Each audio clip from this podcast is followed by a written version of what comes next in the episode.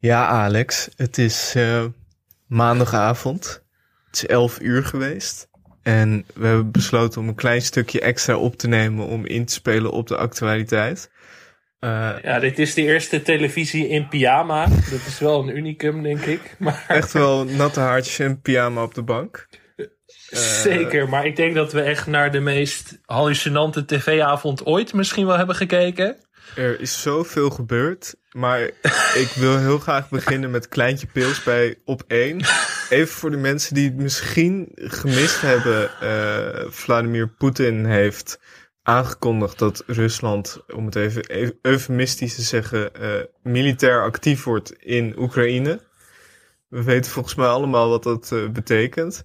En op één openen met ja, het begon eigenlijk met dat voorstukje, hè, met Kleintje Pils in de studio die Sweet Caroline speelde. Ja, er was wel heel eventjes iets te zien van uh, Hand en Broeken, volgens mij oud-VVD'er, die aanschuift om het te hebben over de hele situatie. Maar die hebben we nog niet gezien. En daarna zagen we Nadia Moussaïd en Hugo Lochtenberg met een losse microfoon in hun handen en Kleintje Pils in de studio. Iedereen vrolijk mee te deinen. Het was echt nou ja, ik, ik zat te kijken en ik dacht echt, dit is niet echt. Dit is een soort van, ik ben in slaap gevallen en ik droom dit of zo. Even voor de duidelijkheid, echt... Kleintje Pils was er niet vanwege de naderende oorlog, maar vanwege de Olympische sporters die uh, in de studio zaten. Ik... Maar ik kan me niet voorstellen, op één heeft een hele grote redactie, toch? Dus hoe, hoe is dit er in godsnaam doorgekomen? Hoe is er niemand die daar gezegd heeft...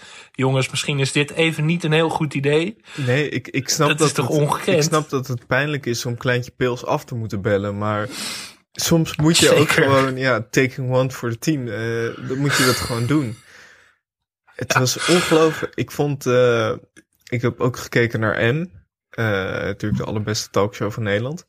Um, Zeker. Wat ik ook een hele wonderlijke uh, schrijfster Lisa Weda zat daar. En die vertelde over de situatie in Oekraïne. Nou, echt een serieus verhaal. En ze vertelde over... Uh, nou ja, het was gewoon een, een serieus verhaal, zeg maar. Dat kan ik niet genoeg benadrukken. En de overgang was, oké okay, Lisa, bedankt. Daarna, hou de vissen van poëzie. Dat vraagt Joost Omen zich af. ik dacht... ja, ja ja, ik, ik snap dat altijd het lichte item na het zwaar, zwaardere item komt.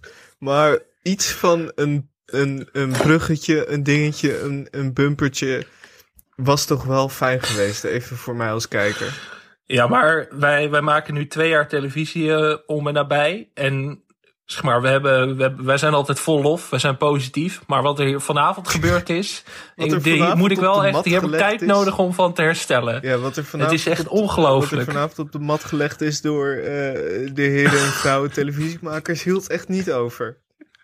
Ik zat net ook een stukje te kijken. Ja, ik kom ook oog tekort. Ik zat een stukje te kijken naar Rutte bij uh, oh. Jinek. En het ging over. Het ging op een gegeven moment over zijn nieuwe LinkedIn-account. Het ging eigenlijk over van alles. Uh, er kwamen wel wat kritische vragen van uh, Jan-Jaap van der Wal, uiteraard. Uh, cabaretier, Zeker. die ook te gast was. En, Onderzoeksjournalist. Ja, ik, ik, ik, ik heb het.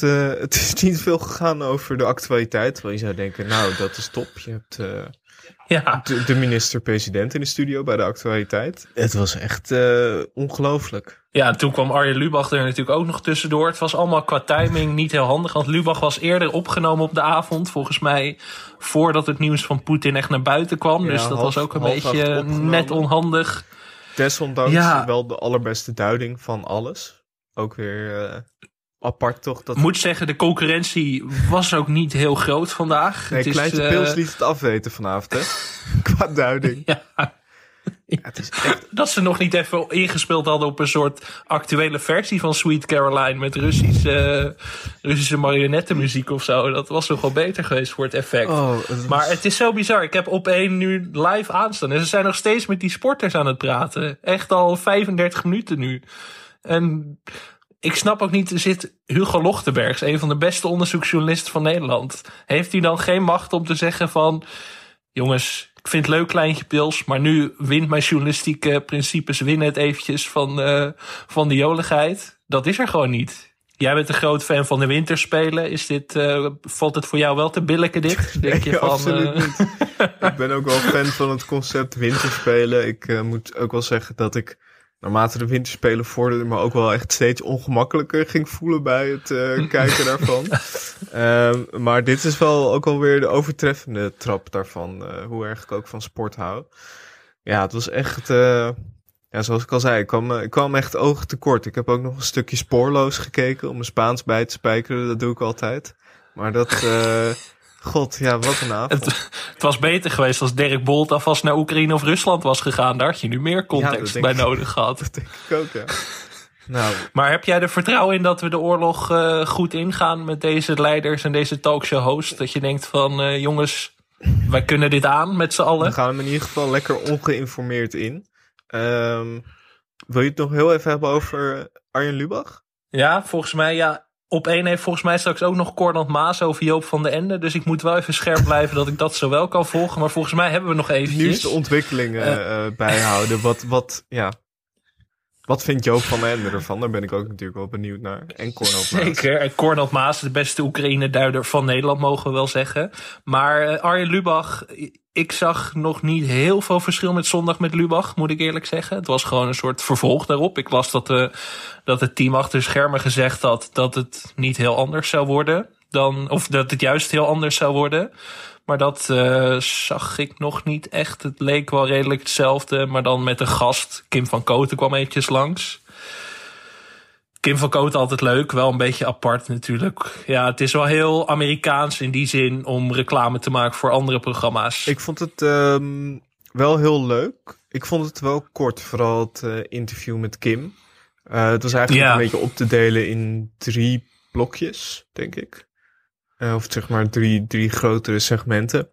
Maar dat, het interview had voor mij nog wel langer mogen duren. Eigenlijk het hele programma wel. Maar ik vond het wel inhoudelijk gewoon weer goed. En ik dacht ook wel. Uh... Het is zeker een aanvulling. Ik bedoel, nu op een heeft zichzelf natuurlijk voor, voor, voor goed belachelijk gemaakt naar deze avond. Dus dat die drie mensen in Nederland die het programma nog serieus nemen, die zijn nu ook wel om, denk ik. Maar.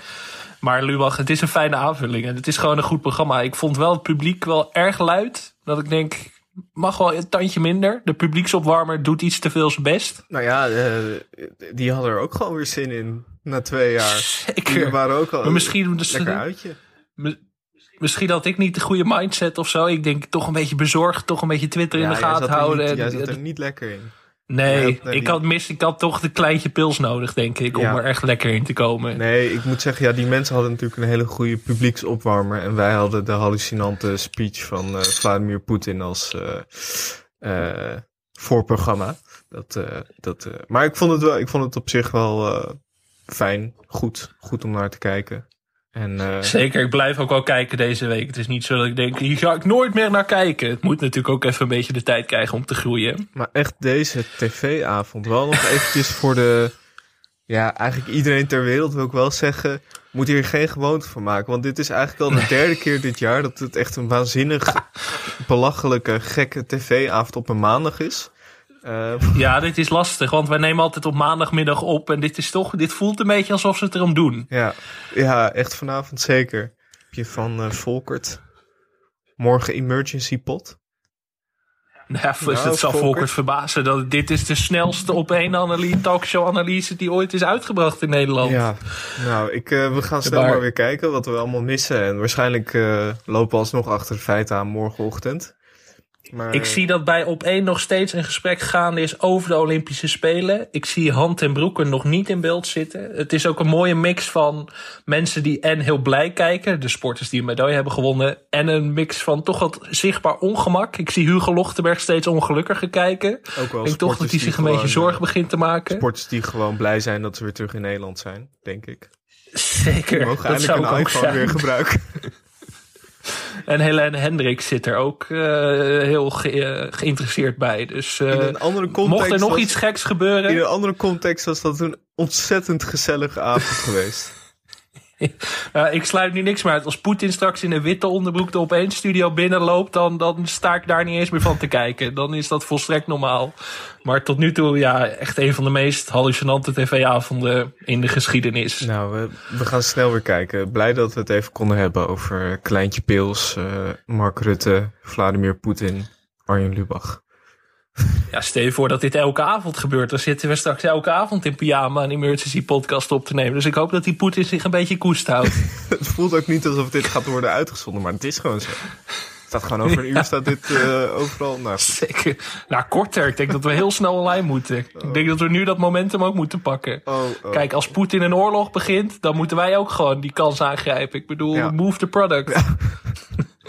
God, wat een avond. Nou, nou, dan kunnen mensen nu lekker gaan luisteren naar uh, Jort Kelder. ons gouden hoer over de afgelopen tv-week. En Jort Kelder. Geniet ervan.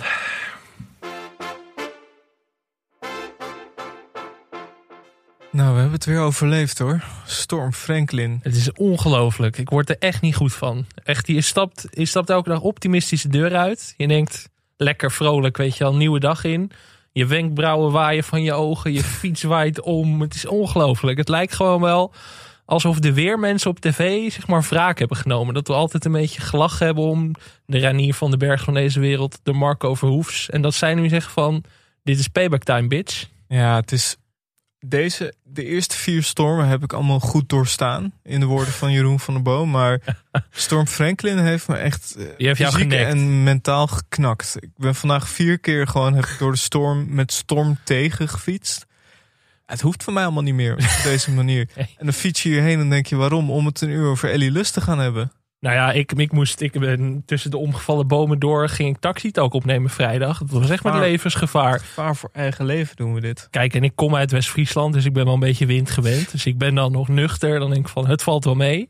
Maar ja, je zoekt toch een zondebok in dat soort tijden. Dus ik heb besloten om de schuld gewoon aan de, aan de weermensen op tv te geven. Ja. Doe laten we eerlijk zijn de klimaatcrisis is ook ontstaan toen Peter Timofeef zijn snor afschoor. Het is allemaal daar begonnen. Dat is zeker waar. Ik was wel blij dat ik uh, Piet Paulusma vandaag weer, of uh, deze week weer op tv zat. maar daar gaan we het nog over hebben. Zullen we beginnen? Ja.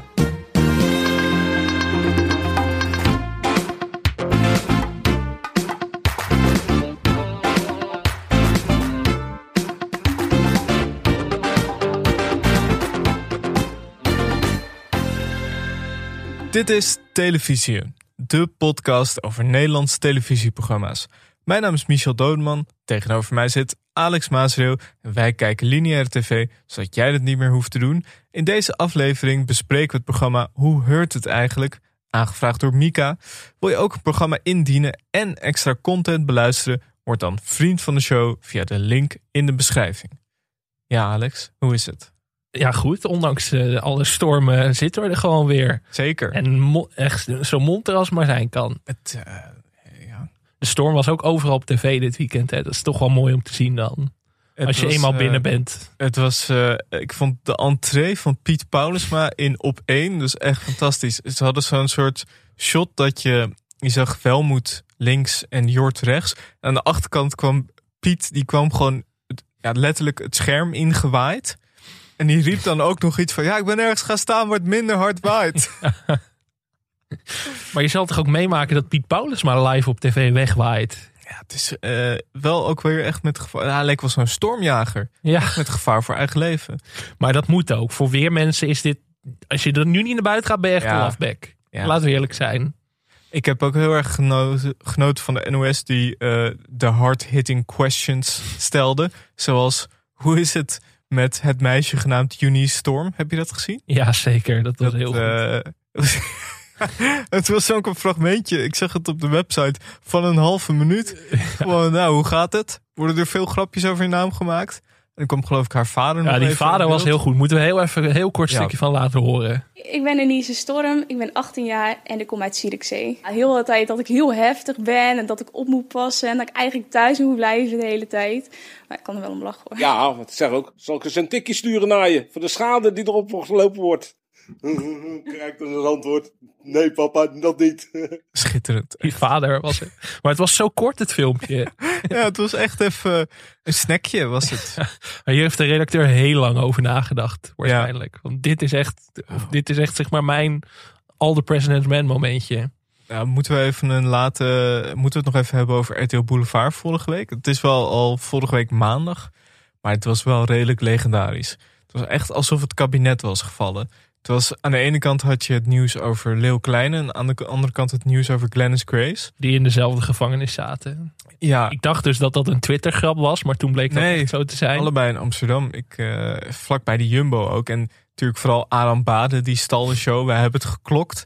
Eerst stond hij voor het politiebureau. Exact 13 minuten en 19 seconden later bij de Jumbo. Ongekend. Is echt heel goed. Maar je moet, daar, je moet daar gaan staan en je moet zeg maar je hele ding weer opzetten. Of is Aran gewoon met een camera zelf, heeft hij alles zo gedaan. Echt gewoon, eh, gewoon gerend met, die, met dat statief. Het was echt wel zijn Je staat toch hoor. raar te kijken als je lekker rustig in de Jordaan woont en je ziet Aran Baden met een cameraploeg langs rennen. Maar hij was dus bij de Jumbo, bij de voorkant van het politiebureau, bij de achterkant van. Ja, de hele week was hij over. Hij was in de studio, hij was voor huizen, hij stond. Het is ongelooflijk wat een week die jongen had. Het is wel echt, ja, die verdient wel even een klein televisiemonumentje hoor, op basis Zeker. van de afgelopen week.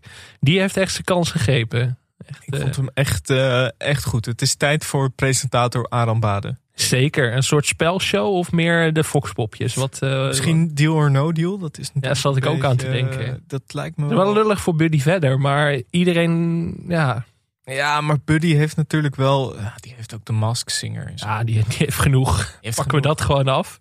Wie ook in topvorm was, even een hele korte shout-out. Hans Krij junior. Ik vind toch, Ja, we moeten Hans gewoon altijd beschermen. Ik vind dat er altijd lelijk wordt gedaan over Hans online. Heeft hij niet verdiend. Ik ben echt een Hans, Hans beschermer tot, aficionado. end. Zeker. Hans stond met een hele goede muts bij de wedstrijd Utrecht-Vitesse. Ik heb het gezien. Stond in het veld, ging ineens tijdens de wedstrijd verslag doen. Het was heel hallucinante tv. Ja, voor de mensen die het niet gezien hebben, het was dus Utrecht tegen Vitesse. En op een gegeven moment werd er vuurwerk vanuit het uitvak van Vitesse gegooid. En dat duurde, het heeft denk ik 25 minuten stilgelegen. En ja, bij ESPN, die, gingen, die schakelden eerst naar de studio met eh, Jan Joost, Kenneth Perez en eh Marciano Vink. Die moesten lang rekken. Maar toen kwam daar Hans, die stond daar opeens in de catacombe. Ja, Die stond eigenlijk voor een dichte kleedkamer. En er kwamen beveiligingsmensen voorbij. De politie ging naar binnen. Eigenlijk iedereen ging naar binnen in die kleedkamer. En Hans stond daar met zijn muts. Die stond, stond daar buiten in die catacombe. Oh, die wilde de scheidsrechter interviewen en dat kon niet. En het was, het was heerlijke tv. Ja, live, live op tv nog met die beveiliger in de weer. Niet door dat het uitgezonden werd. Ja, was echt. Ja, Hans is op eh, dit soort momenten echt op zijn best. Ik vind ook eigenlijk...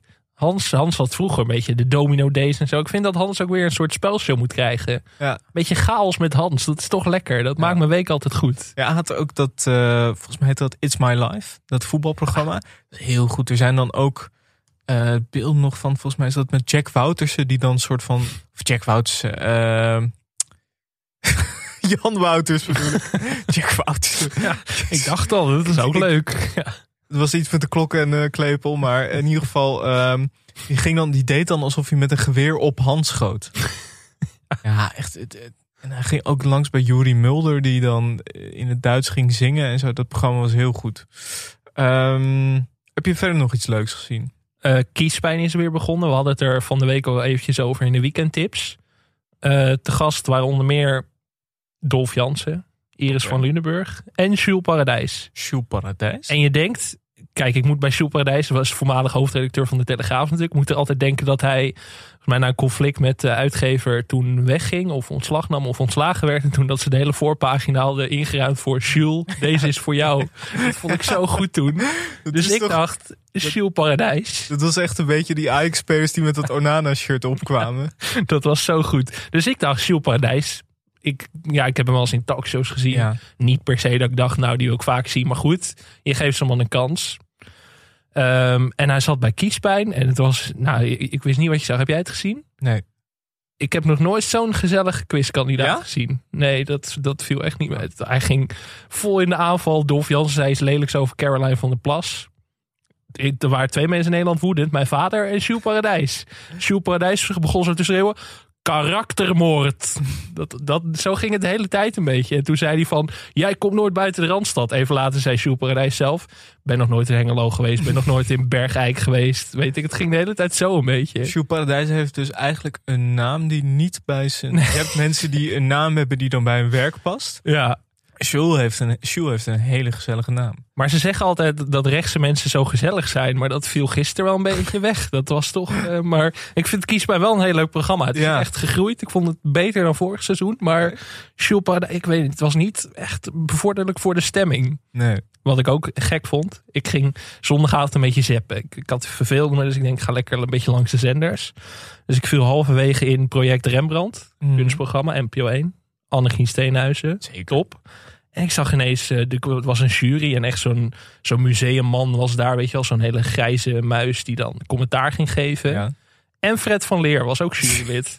en ik, Bij project Rembrandt? Ja, de, ik snapte dat ook niet. En ik dacht van, ik kan nu terugspoelen om de context te, te leren, zeg maar. Of dat gewoon even googlen, maar dat wilde ik niet. Nee. Ik dacht gewoon, Fred van Leer is jurylid bij project Rembrandt op NPO 1 Primetime. En ik wilde niet factchecken. Ik wilde het gewoon in stand houden, deze mythe. Maar die ging gewoon serieus commentaar geven. Ja, een mooi kleurgebruik, dit en dat. Het was heel Maar was hij goed? apart. Fred is altijd goed. Is Fred ooit tegengevallen? Fred is nooit niet goed geweest. Zeker niet. Ik, heb, uh, ik kwam langs iets, nou dat vond ik echt geweldig. RTL Transportwereld. Ken je dat? Van de RTL middag. Ja. Ja. ja. Ken je dat? Soms een soort boerzoekvrouw. nou ja, ik weet het niet. Jij kijkt ook heel veel tv. Het is een uh, informatief programma waarin diverse vormen van transport, logistiek, productieprocessen, machines en groot materieel worden belicht. Zo, de meest geile woorden uit de Nederlandse taal ineens ingevoegd. Het was echt geweldig. Het, uh, eerst gingen ze langs bij Scania in Zweden. Want de, de super aandrijflijn van Scania is terug van weg geweest. Maar het werd wel Yes. op een soort manier gebracht. Sexy. Sexy transport. Wel echt dat je dacht een soort lifestyle transportprogramma. Ik vond het wel echt top. Maar het absolute hoogtepunt was dat ze langs gingen bij de winnaar van de Transportwereld Dikste Truck Awards 2022. En ik wil even twee, twee dingetjes laten horen. De afgelopen maanden kon iedereen zich aanmelden voor de RTL Transportwereld Dikste Truck Award. We zijn bedolven onder de foto's van echt hele dikke wagens. En een keuze maken was niet makkelijk. Na wijs juryberaad is er een top 3 gemaakt met op de derde plaats de schitterende DAF van Jan Zondag. Op plek nummer 2 de machtig mooie Scania van Joost Kleinjan. En op 1 ook een Scania, die van Robin Wijken. Hele dikke wagens. Goed jaar Zijn voor de ook Scania. trucks dan Scania? Nee, het zijn gewoon, eh, de Scania zijn gewoon de beste trucks. Wat weet goed dit zeg. Ja, en ehm, Robin kreeg de award uitgereikt. Eh, Robin was dus, had dus gewoon de dikste truck van 2022. En daarna ging ze een stukje meerijden met hem. En zijn ouders hebben hem opgegeven, want die kijken altijd naar RTL Transportwereld. En nou ja, eh, Robin kwam zelf ook nog even aan het woord. Ja, en wat hebben ze aan de buitenkant allemaal laten doen? Eh, zijplaten dichtgebouwd, boelbaf voorop, dakrek op het dak, lichtbak, staande uitlaat achter de cabine, achterbumpen. Ja, wat niet eigenlijk. Het is een soort Jordy season, het is een soort Harco. Oh man, ik vond het Wat goed echt dit zeg. RTL Transportwereld, echt een schitterend programma. Nou, de middagprogrammering van RTL 7 is sowieso top. Ik heb namelijk ook gekeken naar het programma Ondernemers Lounge to Go. Oké, Getipt door Le Big Max op Twitter. het is met een tweetje, hè, to go. Ja, to go. Ja. nou ja, het, wordt, het, wordt, het is een zakelijke talkshow over ondernemerschap, genieten van het leven en nog veel meer. Oké, Dan heb je mij al binnen. ja. Ja, de presentator die zag eruit als een soort jongere versie van Griet Titulaar. Oké, Dan heb ja. je er wel ongeveer een beeld bij. Ook zo'n apart baardje en zo. Het was heel cult. Het werd gepresenteerd vanuit, het kasteel, vanuit een kasteel. En het was een soort business class met minder bekende mensen. Zo kun je het een beetje omschrijven, denk ik. Maar er zat natuurlijk ook een soort eh, gesponsord segmentje in. Ze ging even naar een restaurant in Amsterdam. Volgens mij een voormalige stomerij dat nu een heel hip restaurant was. Mhm. En wie traden daarop? Dries Roelvink en Ben Kramer. Zo. Eh, Dries en Ben hadden denk ik al een wijntje of twee op. Ehm, maar er was een interview met Ben Kramer. Daar wil ik ook even een stukje van laten horen. Dat was heel goed. Hi Ben, leuk je hier te zien. Ehm, ik weet dat jij van oude auto's houdt. Oude vrouwen? Oude auto's, ja. Oude auto's. Ja, nee, ja. Ik heb een uh, uh, DS Citroën uh, 23 Palace. Uh, extraordinaire. auto uit 1973. Ik mag wel een keertje meerijden natuurlijk, hè? Je mag altijd meerijden. Misschien nog één leuk ding. Als de mensen die nu kijken en luisteren. je kunt het zien ook op, als je mij intoetst op Google Autovisie Ben Kramer. Dan zie je een zes minuten durende special is een groot woord, maar uitgebreide informatie die ik geef over mijn auto. Je ziet ook rijshots. Je ziet ook hoe die eruit ziet. Je ziet dat ik heel zuinig ben met de auto. En dat is een grote hobby. Ja, ik vind dit heel erg goed. Ja. Ik vind het heel erg goed dat er gewoon online een autoprogramma is... waarbij een kramer in zijn auto zit en dan gewoon daarover mag vertellen. Kunnen we hier een formatje van maken? Ja. Ben's auto? ja, Ben's auto. NPO 1 primetime. Ja, leuk. Eerst Dirk de Lind, dan Ben Kramer. Dat is wel de, de avond waar Tom ik Schotland. Tom Ben's Schotland, Ben's auto. Ze zijn lekker bezig. Ik zag gisteren in de tv-gids Tom Schotland, Danny's Wereld. Je zat alleen maar te denken van, eh, gaat dit een trend? Filemons Finland, Ellie's Estland of zo. Je moet dit gewoon helemaal doortrekken. Dat het ook lekker allitereert. Maar, god, Ben Kramer. Wat goed dit zeg. Onderne ondernemers Lounge Toeko. Ja, het back lekker de naam van het programma. Oké. Het is ook gesponsord, denk ik. Wat ik heel goed vind altijd aan die middagprogrammering van RTL. Is zeg maar, het programma begint, dat is bij Business Class ook zo. Het begint natuurlijk altijd met een opsomming van de sponsors. Die dan gewoon Ja. drie minuten doorgaat. Dit programma is mede mogelijk gemaakt door Beddepret Den Bos. En dan gaat het dan de hele tijd door. Dat vind ik zo goed.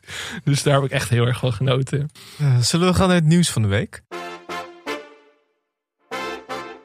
Een nieuws ingestuurd door vriend van de show Frank van Nerven. Voormalig politiewoordvoerster Ellie Lust maakt dit jaar haar acteerdebuut. Zo. In de speelfilm Boeien is ze te zien als boef. Leuke kwinkslag, boeien. Ja, ze speelt het hoofd van de beveiliging van het schip. Ehm, en ze steelt stiekem waardevolle spullen van passagiers. Dat klinkt niet als Ellie. Zeker niet. Maar het is geen typecasting, laten we eerlijk zijn. Nee. Maar ik, Nee. ik, moet, ik ga, moet er wel aan wennen aan dat idee van Ellie als boef. Dat kan ik nog niet zo goed, denk ik. Ik denk wel dat acteer Ellie. Daar zit potentie in. Er zit zeker, we hebben haar natuurlijk al die gokreclame. Ja, dat Ellie is al 55, hè? dat zou ik er echt zou je niet niet geven. zeggen. Ellie is echt al 30 jaar 43. Ja. Maar ik zag dat in de film ook onder meer Ferdy Stofmeel en Kees Geel speelden. Dus ze zit wel tussen de kanonnen van Ferdy het Nederlandse Stofmeel. acteergilde. Ferdy Stofmeel natuurlijk eh, een legend van, eh, hoe heet het programma nou? Scrooge Live. Jazeker. Toch een beetje de roodharige Leo Alkemade als Ja, je het zo moet omschrijven. Absoluut. Absoluut. Ja, ik heb er heel veel zin in. Ik, ga, ik wil die film eigenlijk wel zien. Ik ook. eh, nou, ik noem net eh, Scrooge Live. Ja, In een beetje toch hetzelfde, eh, zelfde, zelfde hoogte zou je het kunnen zeggen. hetzelfde hoekje. Ja, Ja. hoogte is een beter woord. De casting, of tenminste een deel van de casting van de Passion 2022 is bekend. Speelt zich af in Toetengem. Een echte passionstad. Echt een absolute. Ja, als ik vijf steden in mijn le- zou noemen, als ik gewoon pistool op mijn hoofd, vijf steden waar de Passion is geweest, zou ik waarschijnlijk wel Doetinchem. Ik vind Roermond ook echt een passionstad bijvoorbeeld. Alkmaar. Alkmaar is een hele Ja. goede, ja. Gouda vind ik ook echt een. Hellevoetsluis. Ja. Ah, maar dat is wel nogal klein. ja, maar dat kan ook. Ik vind, Heerenveen. ik vind dit al beter, dat ze iets kleiner Ja. gaan. Het is toch Ja. Amsterdam of Rotterdam, weet je wel, daar zie je die weer die Erasmusbrug. denk je, nee, je moet het gewoon kleinschalig houden. Emmen. Ja, Emmen, Assen. Ja, Assen helemaal. Ja. Eh, een deel van de cast is dus bekend. Soy Kroon speelt Jezus. Gefeliciteerd, Zooi. Noortje Herlaar speelt Maria. Dat is een veilige keuze. Ja, vond ik ook. Je weet dat ze het goed gaat doen. Ave of Caro NCRV had hij ook echt mee uitgepakt. Ze maakte het via Instagram bekend. Ja. Ik heb de hele ochtend zitten refreshen, want het is toch, het is spannend. Nou, ik zat te kijken op het Instagram-account. Wat een golf positiviteit. Iedereen was blij en iedereen Ja. vond het leuk. En hartstikke veel volgers. je weet niet wat je meemaakt. Echt de leukste plek van het internet. Waanzinnig lief land zijn we toch. Thomas Kammaert speelt eh, Petrus. Sabri Saad El Hams speelt Pilatus. En dit is wel de grote verrassing. Dennis Wening als Jezus. Ja, Kan Dennis Wening zingen? als eh, Judas. Als Judas, sorry. Dat was wel helemaal wat geweest. Dubbel Jezus. Een soort Schaduw Jezus. Dat was wel goed geweest. Voor even een plot twist daar geven. Maar Dennis Wening gaat ook zingen, heeft hij al gezegd. Ik vind Dennis Wenning kan waarschijnlijk heel goed zo in zijn handen wrijven. Dat deed Tycho Gernand natuurlijk, kan dat ook heel goed. Dat, ik denk ook wel een beetje dat stoppelbaardje is wel echt Judas-achtig.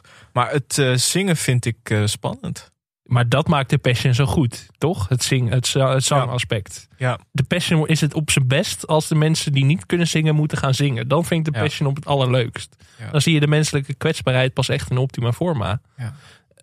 Over die muziek gesproken, geen muziek van Marco Bassato dit jaar. Dat is lastig, want dan is de helft van het aanbod van de liedjes ook ineens zeggen. weg.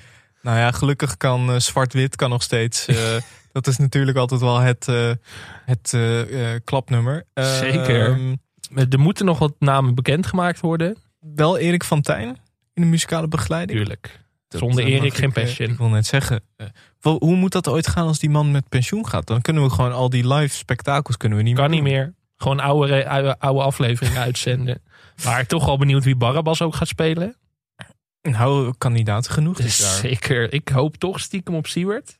Ja. Ik zei dit van de week ook al tegen iemand. Als Siewert dit doet, dan mag hij van mij die 9 miljoen houden. ja, zeker. Maar dan moet hij ook wel zingen. Dat doet Barabbas natuurlijk normaal gesproken niet. Maar Siewert zingend op het podium krijgt hij van mij nog 9 miljoen erbij. Verslaggever bij het Kruis, Aaron Bade. Ja, ja. Kunnen we dat ja, zeker. aftikken hier? Ja. Ehm, zullen we gaan naar de nieuwe programma's? Oh ja.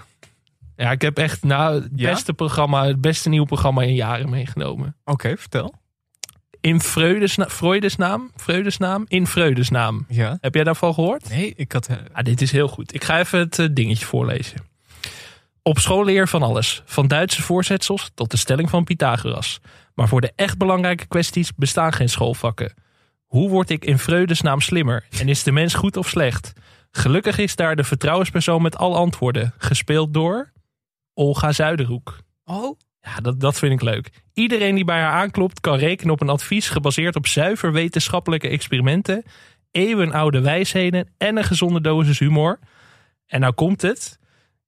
Olga Zuiderhoek wordt ongevraagd en gevraagd bijgestaan door conciërge Koos. En dan mag jij raden door wie die gespeeld wordt. Als je dit raadt, dan, dan, dan, krijg, je, dan krijg je een biertje voor mij. Conciërge Koos. Ehm Raymond Chiri? Nee, Geen idee. Henk ten Katen.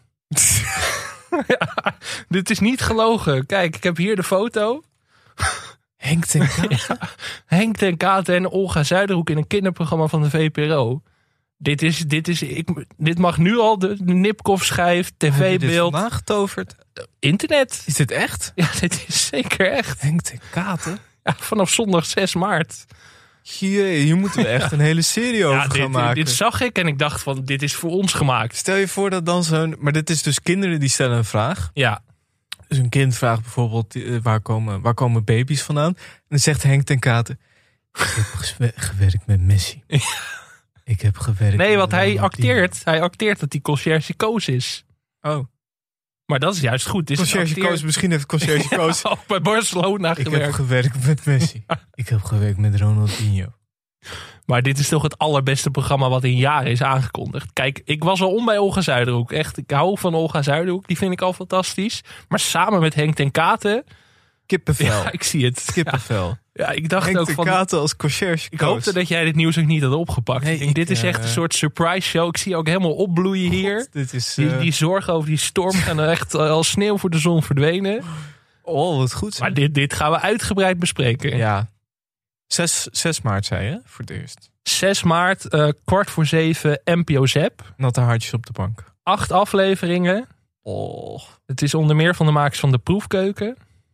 Kan me allemaal niks schelen. Kan me geen iets schelen. Je hebt Henk ten Katen als Conciërge Koos. Maar deze foto, de, je ziet Olga en Henk op de fotosound. Daar word ik gelukkig van. Ik vind dit echt, echt heel goed. Echt, dit is echt... Ja, je, had me, je had me een jaar kunnen laten raden en ik was er niet opgekomen. Nee, ik dacht ook, ik had alleen het nieuws van Olga Zuiderhoek gezien. En toen zag ik ineens, ik denk, waar, wat denkt ten Kater nou op die foto? Maar nee, ja, de vraag is centraal. Hoe word ik slimmer? Hoe word ik gelukkig? Hoe verdien ik snel geld voor het schoolfeest? Het is, ja, Hoe verdien ik snel geld? Nou, ik weet niet, maar ik denk dat Conciërge Koos daar wel... eh, Je moet gewoon Ronaldinho verkopen. dit, is toch, ja, dit is echt het beste tv-nieuws wat we misschien wel in de geschiedenis van deze podcast We hebben. gaan ook geen andere nieuwe programma's meer bespreken, want hier komen we helemaal niet meer overheen. Eh, zullen we naar het formatje dan gaan? Gaan we echt niks, want ik heb wel een paar programma's meegenomen. nog Serieus? Ik kon programma's. echt eh, Oh. niks vinden deze week. Tussen de lakens met Geraldine. Oh ja, Nieuwe videolandserie van Geraldine Kemper. leuk. ja, maar je had niet moeten beginnen met. Nee, eh, ik met had inderdaad moeten ophouden. Maar ik was er zo enthousiast Ja, nee, over. Achter de deuren van Paleis Noordeinde. Oh. Jan Slachter krijgt een rondleiding in de werkkamer van Willem-Alexander en Maxima. Wat leuk. Kijk, ik heb hier eerder gezegd dat Jan Slachter de Nederlandse Logan Roy is uit Succession. Wordt wel weer bevestigd hier, want Jan heeft overal toegang toe. Maar dit is een eh, eenmalig programma? 27 maart op NPO 1. Nou, ik vind het wel dat je dit. Dit moet toch Jeroen Snel gewoon doen? Ja. Van Blauw Bloed. Dit is Jeroen Maar- Snel territorium. Ja, ja, maar Jan is zo machtig, daar kom je niet meer omheen. God, ik, eh, die Jeroen Snel, die vind ik heel goed. Ja, die is de beste, hè? Dat is echt een topper. Dat is echt een topper. Ehm, Ik heb nog één. Er komt een nieuw seizoen van de Erfgenaam met Ruben Nicolai. Is volgens mij wel eens aangevraagd door onze Ja, luisteraars. klopt. Wij hebben dat nooit gezien. Maar ik was wel getriggerd door de beschrijving van het programma. Want het werd omschreven als een kruising tussen Spoorloos en de uitreiking van de Postcode Loterij. Ja, ja, ik heb het wel eens inderdaad. Nou, ik heb wel eens een stukje gezien. Ik vond het best. eh, het is echt een goed format. Toch? Ja, hij gaat dus op zoek naar de rechtmatige eigenaren van nalatenschap. En maakt die mensen blij met een erfenis waar ze geen weet van hadden. Leuk. Zou ik blij van Volgens mij worden. heeft hij het ook zelf verzonnen, het eh, formatje.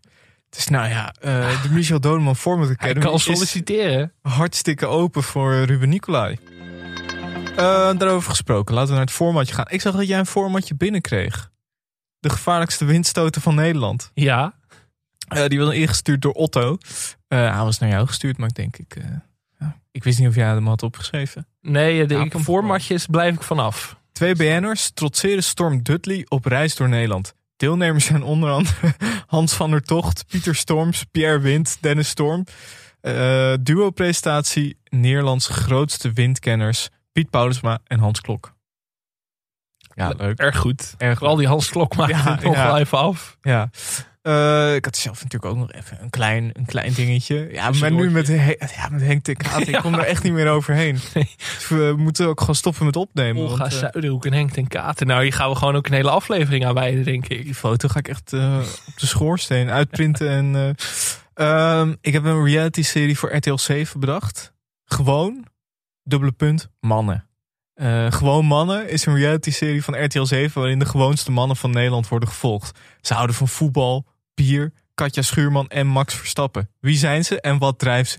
En dus gewoon meelopen. Ik ben heel erg geïnspireerd door eh, RTL Transportwereld. Ja. Ik dacht, ja, die mannen moeten we gewoon hebben. Gewoon volgen en kijken wat ze doen. Ehm, presentatie Rick Engelkes. Ja, Ik weet niet hoe ik daarop kwam, maar ik dacht opeens, ja, Rick, waarom niet? Toch eh, in Verliefd op Ibiza was hij echt een playboy natuurlijk. Dat Ja. beeld heb ik altijd van Rick dat hij dat zo neergaat. Dat hij volgens mij krijgt hij een hartaanval of zo. En dat beeld begint te draaien. Dat en hij daar geen gouden kalf heeft gewonnen is echt onbegrijpelijk. Ja, dus eh, gewoon mannen. Leuk. Ja. Ja, RTL 7 wordt straks de beste tv-zender van Nederland. Dat denk als ik wel, uitkijken. Dat denk ik wel. Zullen we gaan naar het programma van deze week? Dat is Hoe heurt het eigenlijk? Vandaag in Hoe heurt het eigenlijk word ik door mijn personal stylist herschapen tot een Russisch oligarch. Wauw, wauw. Jij bent gewoon vandaag een bron van inspiratie. Tjoh. Flaneren door de PC met bontjasbeveiliger en armsnoepje. Hoe heurt het eigenlijk met heren en kleren? Plus eten zonder mes en vork op een Goois aspergepartij.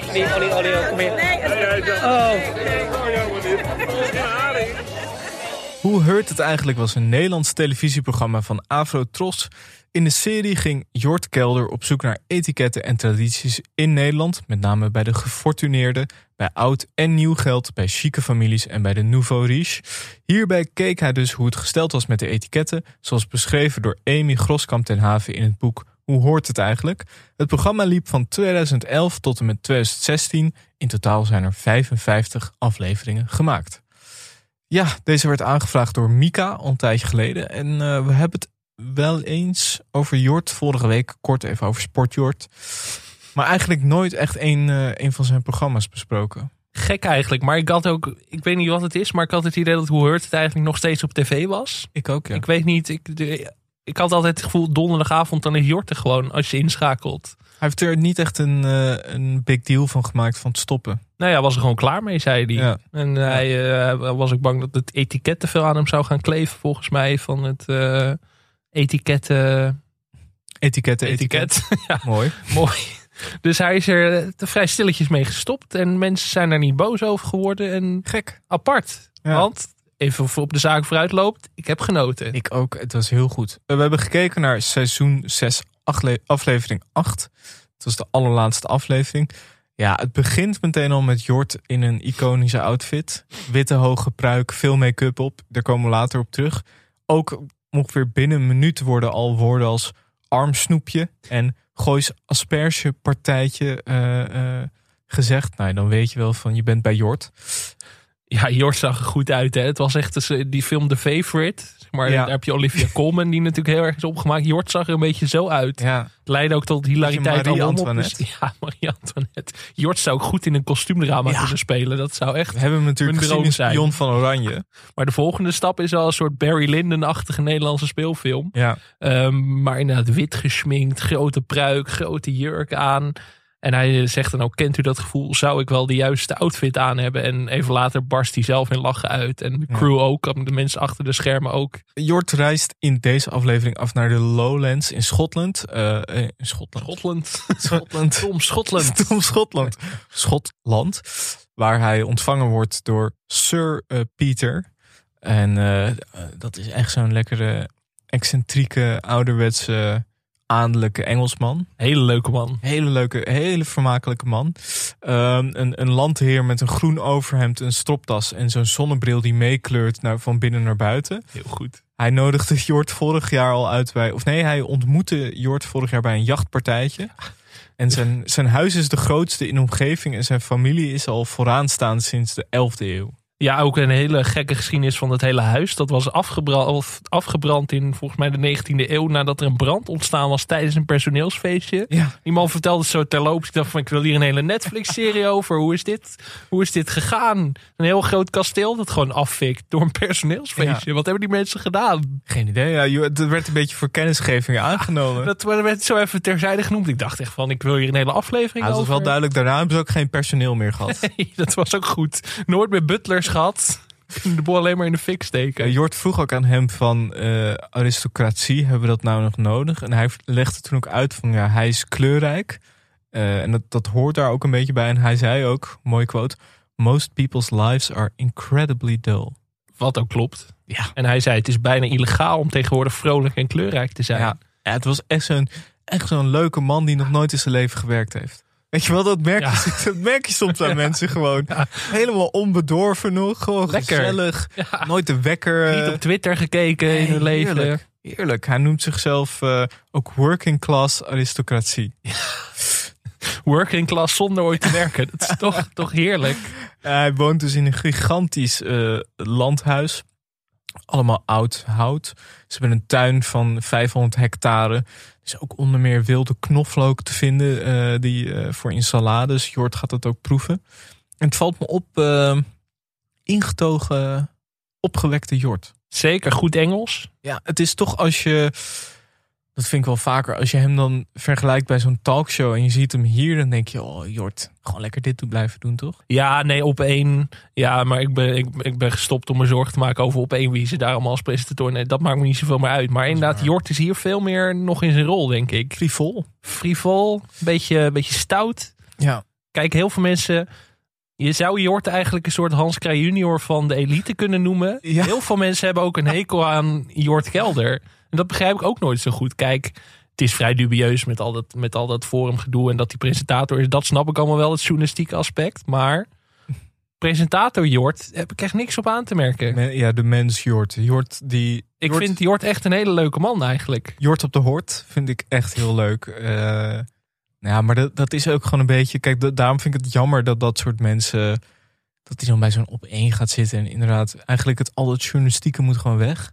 Jort moet gewoon de straat op.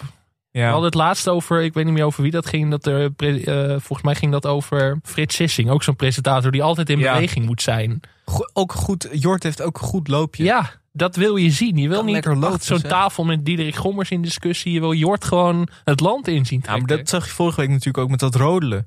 Ja. Jort moet bewegen. Hij moet gewoon... Dan wordt het meteen beter. Na die alpaca lopen inderdaad. Ja. Dat, was voor, dat was vorig jaar. Dan zie je de echte Jort. En nee, inderdaad. Ja, mensen zeiken altijd zo op Jort. Maar ik vind Jort eigenlijk wel... Ik kan hem goed hebben. Ik, ik stoor me er totaal niet aan. Ik merk het. Ja, Je leeft het helemaal is op. wel eens optimistisch. Ik ben zo vrolijk na dat nieuws over Olga Zuiderhoek en Henk ten Katen. Eh, daarna gingen we naar het segment Vroeger was alles beter. Eh, we gaan terug in de, in, in de tijd. Hoe hoort een heer er door de, ja, door de eeuwen heen uitzien, eh, was de vraag. Het begon Leerzaam. Dus, ja, begon dus met eh Jort met make-up in een soort rockkostuum, maillot en pruik. Ehm, eigenlijk dat duurde een beetje voort tot aan de Franse revolutie. En dat vind ik ook heel goed hier aan. Dat, er worden heel veel dingen uitgelegd waarvan ik denk... wist niet dat ik het wilde weten... maar ik ben toch blij dat ik het nu weet. Was dat niet zo vroeger in Amstelveen? Dat je dit soort dingen ook gewoon meekreeg bij het eten? Nee, zeker niet. Nee. Zeker niet. Nee, dat is toch dan. Dan zijn wij daar ineens toch te volks voor of zo. Want het zijn allemaal dingen die ik niet weet. Vinkie te weinig. Vinkie te weinig, dat merk je dan toch. Het is echt wel. Het is natuurlijk wel een zeven vinken programma. Maar dit programma is tegelijkertijd ook toegankelijk voor de. Voor de vier, vijf, zes vinkers onder Ja, ons. zeker. zeker. Eh, daarna gaan we door naar de tijd van een dandy. De tijd van Bo Brummel met een top hat. Eh, da- daarna zien we ook een acterende Jort. Die doet alsof hij op iemand schiet. Hij heeft het erover dat de landadel heeft hier dus niks, eh, nog steeds niks te doen. Dus gaan ze jagen. Ze heeft daar een pak van tweet met een, eh, met een eigen ruitje. Ja, echt heel goed. En hierna komt toch wel het beste gedeelte. De moderne tijd, white collar. Ehm, en daarna zien we eh, Jort in eigenlijk de kleding van de moderne man in vrije tijd. In een rood t-shirt, een spijkerbroek en sneakers. Dat ziet er ook dan heel erg gek uit. Jort in normale kleding. Ja. Ik, heb hem, nog- ik had hem nog nooit zonder overhemd gezien. Nee. Dit vond ik ook een heel. eh, Met zo'n Jort met zo'n lichte spijkerbroek. Dat is wel een beeld dat me nog nachten Uncanny. gaat achtervolgen. Ja. Daarna gaan we kijken naar de Concierge Service Amsterdam. Eh, Jort zegt, als nette kakker heb je één zekerheid in het leven. Vriendjes. Vriendjes die eh, dingen voor je regelen. En het gaat dus eigenlijk over... Ik vond die afwisseling wel lekker. Dit ging dus over een concierge service. Opgezet door ene eh Bojana. En Goeie naam ook, Bojana. ja, een regelfreule werd ze, werd ze genoemd. En wat, ze, wat er dus eigenlijk gebeurt als rijke mensen uit eh, China of zo, of Rusland naar Nederland komen. Die bellen dan haar en die zeggen dan, eh, nou, jij moet voor ons dingen regelen. En van tevoren zoekt zij dan uit wat hun lievelingsdrankje is, hun lievelingskleur. Ja, ik dacht, vond dat allemaal nog een beetje vaag. Ik dacht, maar wat doen jullie dan? Maar later werd het wat duidelijker. Een, een mooie plek in een restaurant, een huwelijksaanzoek op een kameel in Amsterdam regelen. eh, 136 specifieke rozen uit Amsterdam of eh, uit eh, Ecuador regelen. Ja, ze wilden niet zoveel prijs geven over hoe ze het allemaal regelden. Er was ook een verhaal over 136 rozen uit Ecuador of zo. En dan dacht ik van, hoe regel je dat in een paar uur? Hoe zorg je ervoor dat er binnen een tijdsbestek van twee uur een kameel in de binnenstad van Amsterdam komt? Ja, dat vroeg Jort dus ook. Toen zei ze, ja, heb je contacten voor? Ja, dan denk ik, daar wil ik Nou, dus ik heb van ze- weten. ik Ik heb heb, ze niet ik heb ze niet. Ik heb ze niet op mijn telefoon staan. Ik zou hier ook heel graag nu een kameel in de studio willen hebben. Maar het is niet zo dat ik dan even eh, iemand bel en zeg van... Kun jij even een kameel langsbrengen? Ja, misschien moet je dat aan conciërge Koos vragen. Die zou dat wel kunnen dat regelen hoor. Die heeft natuurlijk in het Midden-Oosten gewerkt. Eh, Maar zij wist dus wel alles. Want Jort vroeg ook, wat is eh, mijn favoriete kleur? Groen. ja. Vond ik geen Jort Kelder kleur. Nee, je ziet hem nooit in het groen. Nee. Sommige mensen kun je echt heel erg hun lievelingskleur ook wel aan afzien. Dat was ik wel met die vrouw eens. Jij blauw? Groen. Ja. Ja. Ja, nee, zie je toch. Ja, ja ik heb ook blauw blouse. Ja, Dus dat was een dat is eh, makkelijk. wilde gok. Ehm, daarna, het was hoogtepunt op hoogtepunt. Hierna kwam Mike de Boer. Ja. Mike ja, de. Mike de Boer die behoeft geen verdere introductie. Lang niet gezien toch, Mike de Boer? Nee, weinig Mike de Boer de laatste tijd. Het is toch een beetje van de troon gestoten door Vet van Leer. Ja, maar ik wil ze het liefst samen. Als superstylist. Mike de Boer, Mike de Boer, stijlprins Mike de Boer, die, eh, ja, die, die was de stylist dus van, van Jort. Ja, goed duo. Ja, Mike en Jort samen een programma zou ik elke week naar kijken. ja. Zonder twijfel. Jort begon ik met grapjes. Wat is jouw tandwitheid? Vroeg je aan Mike. Ze maakten ze hadden nog een uitwisseling over hun voeten. Jort heeft kleine, moeilijke voeten, noemde hij het zelf. Ja. Mike had grote voeten. Nou, dan kun je het wel invullen wat voor grappen daarop ontstaan. Maar ik vond die dynamiek tussen hun hele verrassend leuk. Goor voor de elite. Ja, oud Zuid-Geregoor, Ja. dat was het een beetje. Ehm, en wat het dus eigenlijk het idee was dat Mike ging... eh meeuwen? Meeuw. Het waait zo hard dat er gewoon zeemeeuwen langs waaien nu. Het is ongelooflijk. Je zit op zeven hoog in Amsterdam. Het is, nou, Ongelooflijk. Nou, in ieder geval, wat dus het idee was, was op dat... de boot eh, Texel staat. Joh. Ongelooflijk. voel je weer helemaal thuis. Krijg weer een soort PTSS. Het komt allemaal weer terug. Ik ga die zin ook helemaal niet afmaken. Eh, we gaan naar Bladicum. Jort met een asperge. Dat was, eh, echt, dat was dus het aspergepartijtje. Ja, waarop Eh, asperges werden gegeten als een soort haringen. Want dat was dan hoe het, hoe het werd. Ja, Jort, Jort ging dus eigenlijk een beetje kijken hoe het ging met de etiketten daar in eh Blaricum. Dus ook, ja, Jort liep daar dus met een asperge en er was meteen een vrouw die zei... Ik vind het er suggestief uitzien. Ja, hier kwam wel echt duidelijk. Er wordt natuurlijk al jaren geklaagd over de elite, weet je wel. En dan is dat kloof. zo. Wie is dat dan? kloof. De kloof. Dit was de kloof. Want in deze aflevering zag je heel goed het verschil tussen leuk elitair en niet leuk elitair. en bij, dit, bij deze aspergeproeverij kwam wel heel erg de volksjongen uit Enkhuizen in mij naar boven. Die opgroeide aan de toog. Dat ik dacht van, ja, dit is elite voor mij. Oh, Oh, wat een vreselijke mensen. Verschillende mensen probeerden dus een asperge te eten. Je moet hem dus eten met de hand. En met, ondersteunen met de vork. Als een soort haring. Hij zag heel goor uit. Ja, ik vind asperges sowieso zo happen. Dat vind ik niet lekker. En de asperge is ook helemaal niet lekker. Dus, was iemand die zijn Bentley sleutel had laten liggen. jezus. Er werd wel nog even een beetje context. Want Blaricum is dus oud geld en Laren is nieuw geld. Toen dacht ik wel, hier zit een goede sitcom in. Ja, Toch? zeker. Ja, een soort van buren die dan op de... Soort van, ja, misschien dan... Of een gezin of zo, waar de ene uit Blaricum komt Ja, en de ja, ander uit. Ja, of dat er inderdaad eh, een eh, twee onder een kapwoning dan e- de helft staat in Laren en de helft in Blarikum, zoiets of zo. Ja, er moet even gesleuteld worden aan dit format. Ja, maar- maar je kan natuurlijk wel dat, dat twee huizen, zeg maar één straat, en dat is dan op de grens. ja, zoiets. Grens tussen, ik zit even te zoeken of daar eh, welke straat dat dan zou zijn. Dat zou de Torenlaan, als ik het goed heb.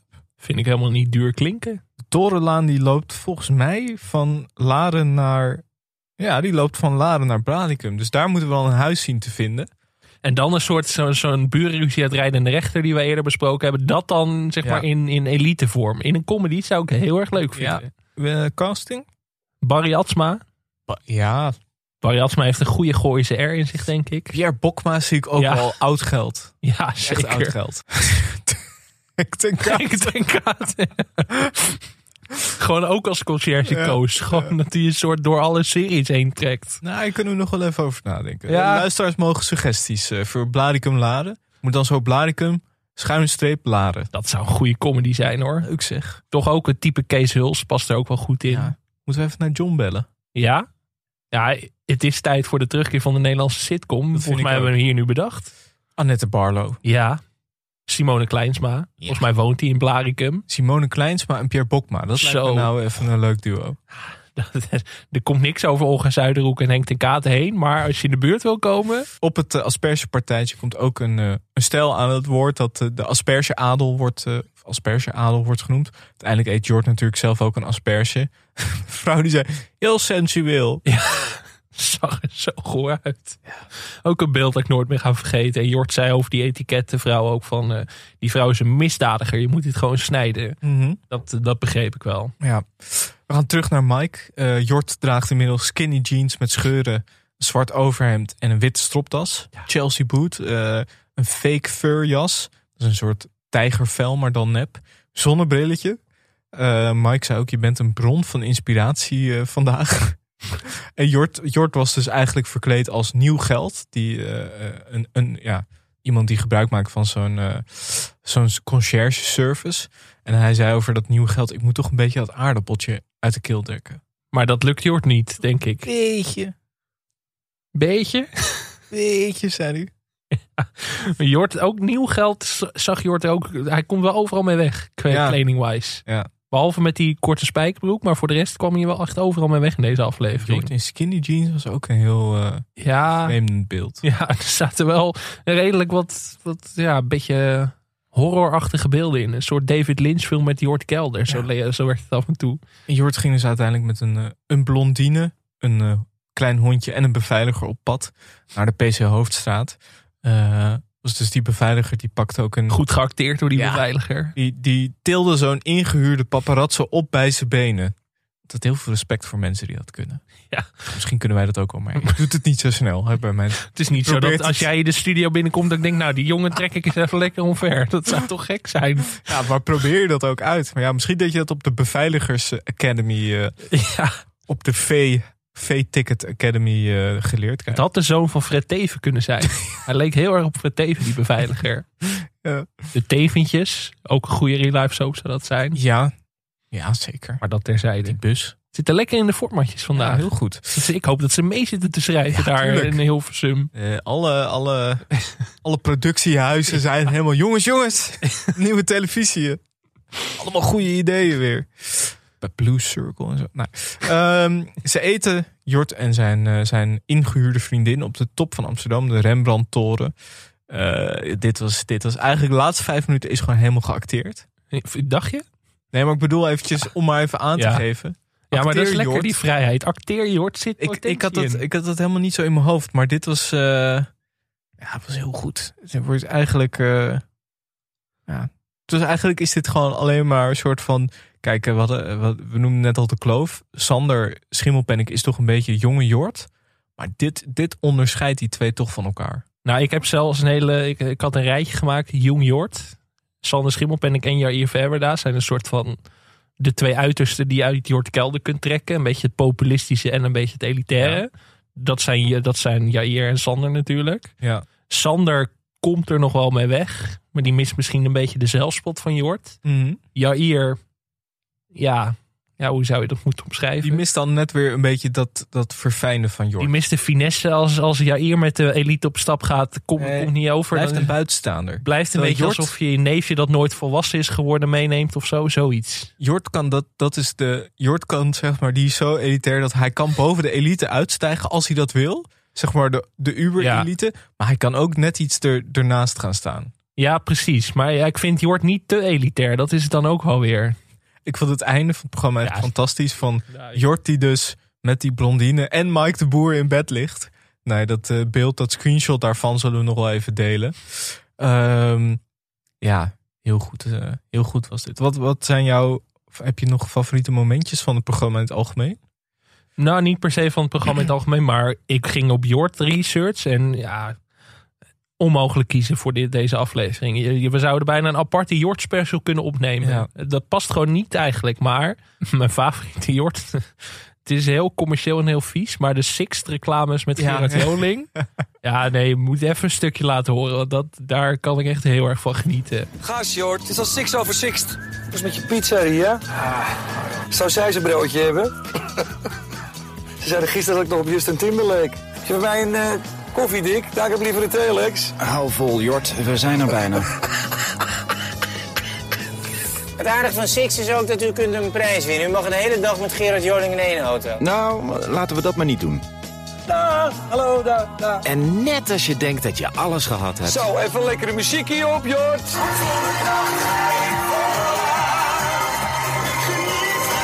Oh, zo hoort het niet, Joling. Zo hoort het niet, nee, dat heb je gelijk.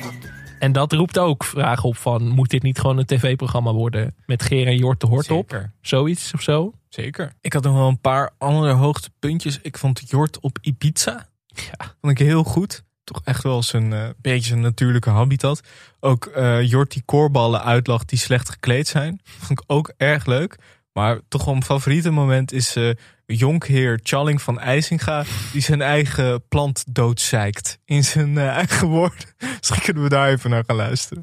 Als je het hebt over het algemene maatschappelijk beeld, dan is er een enorme verharding, verruwing, verhuftering, maar vooral onopgevoedheid. En daar maak ik met mensen zorgen over. Ik ga eerst even een van die planten die mij hindert doodzeiken. Dat doe je toch niet? Hoort dat nou? Of mag het wel in je eigen heg? Ja. Oh, dat mag. Ja, ik zat te kijken eh, naar Jort, naar alle programma's die hij Zo. gedaan heeft. Het is echt een flinke lijst. Ook wel, ja, hij begon met Kelder en Co. lifestyle programma op Net 5. Je wordt Ehm, echt geen net vijf man, hè? Nee, totaal niet. Hij heeft ook nog We zijn zo terug. Dat is een reclamequiz. Echt geen, er was niks meer van te vinden. Als iemand daar nog beelden van heeft. Videobanden of zo. Ja. Ja. Veronica heeft hij ook nog een programma gemaakt. Testbeeld. Toen nog even bij Talpa. En toen daarna is hij eigenlijk eh, lang bij, bij de KRO. Heeft hij programma's gemaakt. Onder meer bij ons in de PC. Natuurlijk ook wel eh, eh, bekend. Ehm, daarna Afro, VPRO, Afro Tros, WNL. Dat is natuurlijk het heden. Ja, ik vind Jort, Jort is inderdaad een soort gekke mix van Afrotros, VPRO en WNL. Ja, en KRO heeft hij dus ook lang gezeten. Dus hij komt eigenlijk overal behalve BNN komt hij mee weg. Ja, maar KRO Omroep is toch Max meer... kan hij uiteindelijk naar doorgroeien. Zeker. KRO vind ik meer Fons de Poel. Ik vind KRO eh, ook heel Yvonne Jaspers. Ja, niet, niet Jort. Nee, niet Jort. Hij heeft ook nog eh, eh, Dragon's Den een seizoentje gedaan als ehm, vervanger van San- Sander Schimmelpenning. Maar daar eh, gaat hij nu stoppen. Omdat Viaplay, Viaplay, ik weet niet. Ja, die, die stoppen er geld overal in. Het is echt wachten. Hebben zij Ah. niet iets van een eh, tv-podcast eh, live op tv nodig of zo? Ja, misschien wel. Lekker, lekker zondagochtend, een soort van opwarmertje voor eh, Harry. Voor business class. Vooruitblik op business class. Op business, business class aftertalk. Ja. Ehm, ja, het was heel goed hè. Wat Ja. vonden we ervan? Ik heb er echt van dat genoten. eigenlijk niet eh, te zeggen. Weet je wat ik een grappig Jort Kelder feitje vond trouwens? Hij heet Jort Paul Wouter Kelder. Zo. Hoe, hoe. Hollands wil je het ook hebben? Jort Paul Wouter Kelder. Vind ik ook helemaal niet elitair. Dat is toch weer de Jort, hè? Dat is toch een beetje dat volkse. Ik vind het altijd heel raar als mensen dan een wat apartere eerste naam hebben. En dan De meest basic Paul, naam. Paul Wouter als tweede en derde naam. Dat je denkt, ja, dat had niet gehoeven, toch? Zeg maar, ik vind, het, ik vind altijd een tweede naam, dat moet dan een beetje een aparte naam zijn. Waar je dan over zat te twijfelen en dat je denkt, net te gewaagd, we doen een tweede naam. Paul Wouter, eh, nou, het zal wel misschien eh, in de familie of eh, zoiets. Ja, je, maar je verwacht bij, bij Jort toch iets meer Roderick Jan of zo. Als hij een, een Paul was geworden of een Wouter, dan weet ik niet of je het zo ver had geschopt hoor. Paul Kelder.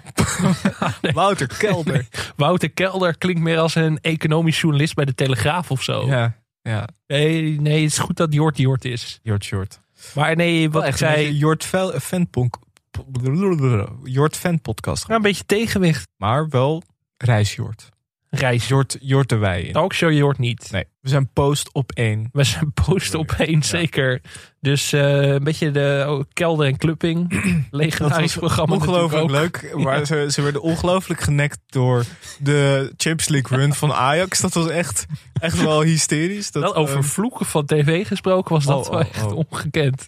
Dus ik hoop eigenlijk dat dat gewoon, dat soort programma's moet je ja, dat was, ik vond echt eh, Alexander en Jort ook echt een prachtig duo. Zullen we gaan naar de luisteraarspost? Want eh, eh, ik denk dat we Jort genoeg hebben besproken. Ja, we gaan weer richting het uur hoor. Ja, daarom. Eh, nieuwe vrienden Niels, Nathan, Marjolein, René en Danique. Welkom allemaal. Ehm, we kregen nog twee berichten naar aanleiding van Tussen Kunst en Kitsch. Wij waren natuurlijk vooral benieuwd hoe zit het met die mensen die daar achter zitten bij het publiek. Roosje stuurde mijn moeder, eh, vriendin van de show, Roosje moet ik zeggen. Mijn moeder was een paar maanden geleden bij Tussen Kunst en Kitsch. En zij heeft daar ook gefigureerd in het publiek toen er iemand aan tafel zat. Ze was gewoon tijdens die dag gevraagd of ze er even bij wilde zetten. Ik dacht, ik meld het even, dan is een deel van het mysterie opgelost. En eh Liesje zei, het publiek achter de tafel van Frits zijn inderdaad mensen die daar ook met hun kunst of kitsch komen. Ik was eens bij een opname en het is bijna vechten wie er op de stoeltjes mag komen zitten. Zei ook nog, de opname was best vermoeiend. Regelmatig werd er een shot onderbroken omdat het publiek soms extra lange eh, nekken toch naar...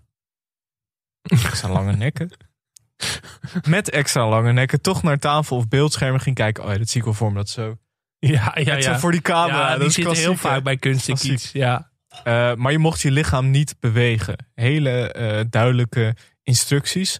Maar ze zegt ook, Frits pikte de presentatieteksten altijd heel sterk weer Ja, op. dat vind ik goed om te horen. Zie ik ook al voor een Frits is een machine. hè? Ja, ja die, die, je gooit er een kwartje in en dan komen Ik een denk tekst echt uit. dat je Frits kan je s'nachts wakker maken. Je zet een, je zet een autocue voor hem en hij is gewoon pam.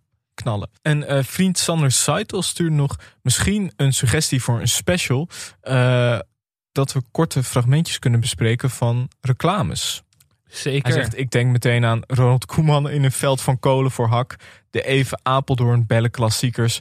Goeie mochel. eh, dat soort eh, reclames lijkt mij erg leuk. Goeie mochel, ja. Goeie mochel. Weet je nog dat ik, ik, de- ik denk dat mensen van tot ongeveer 2018 toch nog wel regelmatig goede mochel hebben gezegd. Het is echt pas recent. eh, Nu word je opgepakt als je dat doet. Oh. Ik denk ook dat wij gewoon dat, dat onze podcast niet in Apple en zo verschijnt als wij dit uitspreken. Ik heb vanochtend nog iemand goede mochel horen zeggen. Het is echt waar. Waren bij mij eh, in de gang, zeg maar, eh, eh, appartementscomplex, waren er mensen dus bezig met onderhoud of zo. En er kwam er eentje, de, eh, waren, ze waren met z'n tweeën. En één die zei goede mochel tegen de ander. En toen daarna gingen ze het hebben over Mark Overmars. En ik dacht, dit is gewoon een soort podcast aan la letteren. ik zat dus te luisteren naar twee mensen die ik niet kende... die aan het discussiëren waren over de dickpics van Mark Overmars. Heel bijzonder. Ja, heel eh, hallucinant ook om te denken aan goede mochel en de dickpics van Mark Overmars. Ja, Vind sorry. Een gekke combinatie. Sorry voor dat beeld. Ja. Ehm, wij gaan afsluiten. We gaan straks nog eventjes doorpraten voor de vrienden van de show. Je vergeet nu echt het allerbelangrijkste onderdeel van deze podcast. Oei, oei, oei, Ja, dit. Mensen stonden al klaar met hooivorken voor de deur. Waarom doen ze niet het museum? Ik zag een tweetje van Frank van Neerval tegemoet hoor. Eh, het televisiemuseum, wat nemen we mee? Eh, het televisiemuseum is een prachtige collectie van vijf items. Vijf items. Vijf items. Scotland.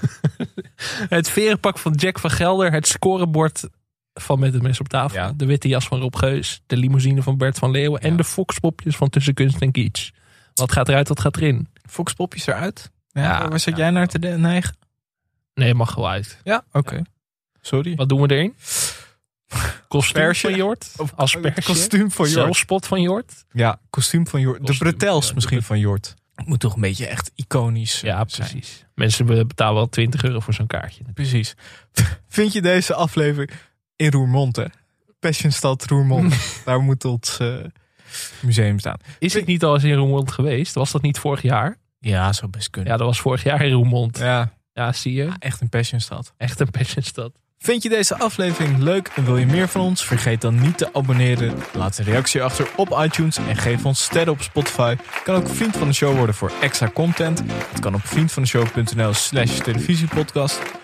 Complimenten mogen publiekelijk gedeeld worden, maar vergeet ons niet te taggen via televisiepod. Je kan ons ook mailen via televisiepodcast.gmail.com. Veel dank aan Dag Nacht Media, aan Studio Cloak voor Tune en aan Weidse Vogema voor de illustratie. Tot volgende week. Tot volgende week. Shout-out Henk ten Katen.